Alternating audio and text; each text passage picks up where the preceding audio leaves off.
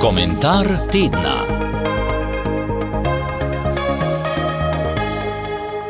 Državljanska pokorščina. V času podiplomskega študija v Chicagu sem se veliko ukvarjal z vprašanjem javnih medijev in javne službe. Svoje spoznanje lahko strnem v dve povedi.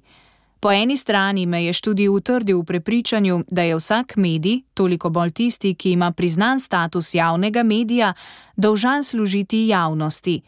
To doseže s tem, da neumorno išče resnico in dela tako, da je dobro za vse, ne samo za somišljenike ali plačnike.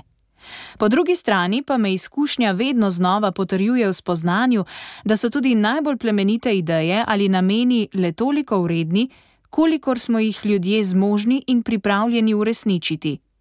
Javni medij je predvsem stvar kulture posameznika in kolektiva, šele potem tudi stvar zakona.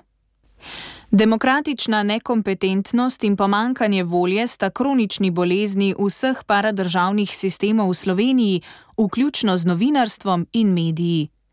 Po dobrih treh desetletjih mučenja z javno radio televizijo se upravičeno smemo vprašati, ali ima smisel nadaljevati. Toliko bolj ob nedavnih kadrovskih čistkah, ki nas vračajo v čas pred letom 1990. Je prišel čas, da državljani nehamo plačevati prispevek za radio televizijo Slovenija? Slovenija javnih medijev v pravem pomenu besede nikoli ni poznala zato, ker v svoji kratki zgodovini samostojnosti ni bilo zadosti politikov in novinarjev, ki bi bodi si razumeli, kaj pomeni javna služba ali javni servis, bodi si bi si to želeli. Korenine problema so v revoluciji, ki je narod nespravljivo razdelila na dve sovražni skupini, na naše in na sovražnike. Taka družba nikoli ne more zares uspevati, saj jim manjka skupni imenovalec, ki bi presegal in relativiziral normalne razlike in delitve. Če v zdravi družbi nasprotniki uspejo skupaj delati za javni interes, je za revolucijo značilno, da nasprotniku odreka pravico do obstoja, želi ga izničiti. Na področju medijev to pomeni, da ni prostora za drugačnost. Pluralnost je zgolj na papirju, kozmetična pluralnost, kjer je normalno, da se maha z mauričnimi zastavami in se točijo krokodilje solze nad krivico, ki se godi nutrijam, zanika pa se temeljna človečnost in dostojanstvo političnega nasprotnika. Slovenski mediji tudi danes enačijo javni interes z interesom tistega, ki jim vlada. Svobodni so, da govorijo tako, kot je všeč gospodarju.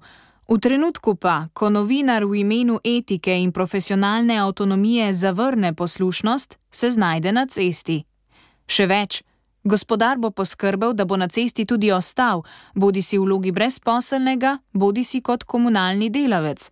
To se je dogajalo pred 50 leti in se dogaja danes. Novinarjevi kolegi to gledajo in še naprej govorijo o mauričnih zastavah in o trpljenju nutri. Ne zamerim novinarjem, ki se v strahu za svoj vsakdani kruh potuhnijo, zamerim pa tistim, ki se trudijo, da bi bili bolj kruti kot gospodari. Podobni so paznikom v gulagih in koncentracijskih taboriščih, ko se iz povprečnih ljudi prelevijo v sadistične rablje svojih kolegov in vseh državljanov.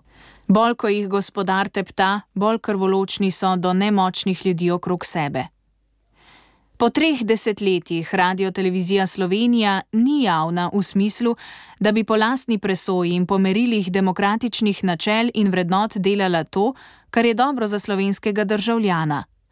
Razumem tiste, ki pozivajo k njeni ukinitvi ali vsaj ne želijo prispevati denarja za njeno životarjenje. Treba pa se je zavedati, da državljanska nepokorščina ni isto kot anarhija in da ukinitev slabe televizije še ne pomeni, da bomo dobili boljšo. Da bi bila nepokorščina učinkovita, mora biti koordinirana z pravega političnega in kulturnega vidika. Naj navedem en primer. Pred nekaj leti smo tako rekoč čez noč očistili zasmeteno Slovenijo. Ko gledamo nazaj, vidimo, da sploh ni bilo tako težko. Dokler smo se samo jezili in pritoževali, se ni nič spremenilo. Ko pa je zadosti število ljudi naredilo nekaj malega, je bila dežela čista. Skrivnost uspeha je seveda v tem, kako pripraviti in potem organizirati vse te ljudi, da bo majhen prispevek vsakega posameznika dejansko pripeljal do velike spremembe. Ni dovolj, da nas motijo smeti. Moramo se med seboj povezati. Vsak od nas mora prepričati še enega ali dva druga, da ni lepo živeti na smetišču. Nekdo mora poskrbeti, da bomo delali usklajeno, da bodo zbrane smeti dejansko končale na deponiji in da bo po opravljeni nalogi veselica, ker smo si jo zaslužili. Podobna akcija bi lahko nekaj spremenila tudi v medijskem okolju. Upam, da bo enkrat prišlo do potrebnega premika. Nekaj pa lahko storimo že danes, vsak zase. Odklopimo medije, ki nas po kapljicah zastrupljajo. S tem, ko neham gledati slabo televizijo in jo tudi neham plačevati, sicer še ne bom dobil dobre televizije, sem pa dal vedeti vladi in urednikom, da nisem butalec. Mogoče se bo v njih kaj premaknilo. Če bom slabe medije zamenjal z boljšimi, ne bom samo kaznoval prvih, ampak bom dal zagon tistim, ki si to zaslužijo. To bi bil pristni izraz državljanske pokorščine, ki jo tako potrebujemo.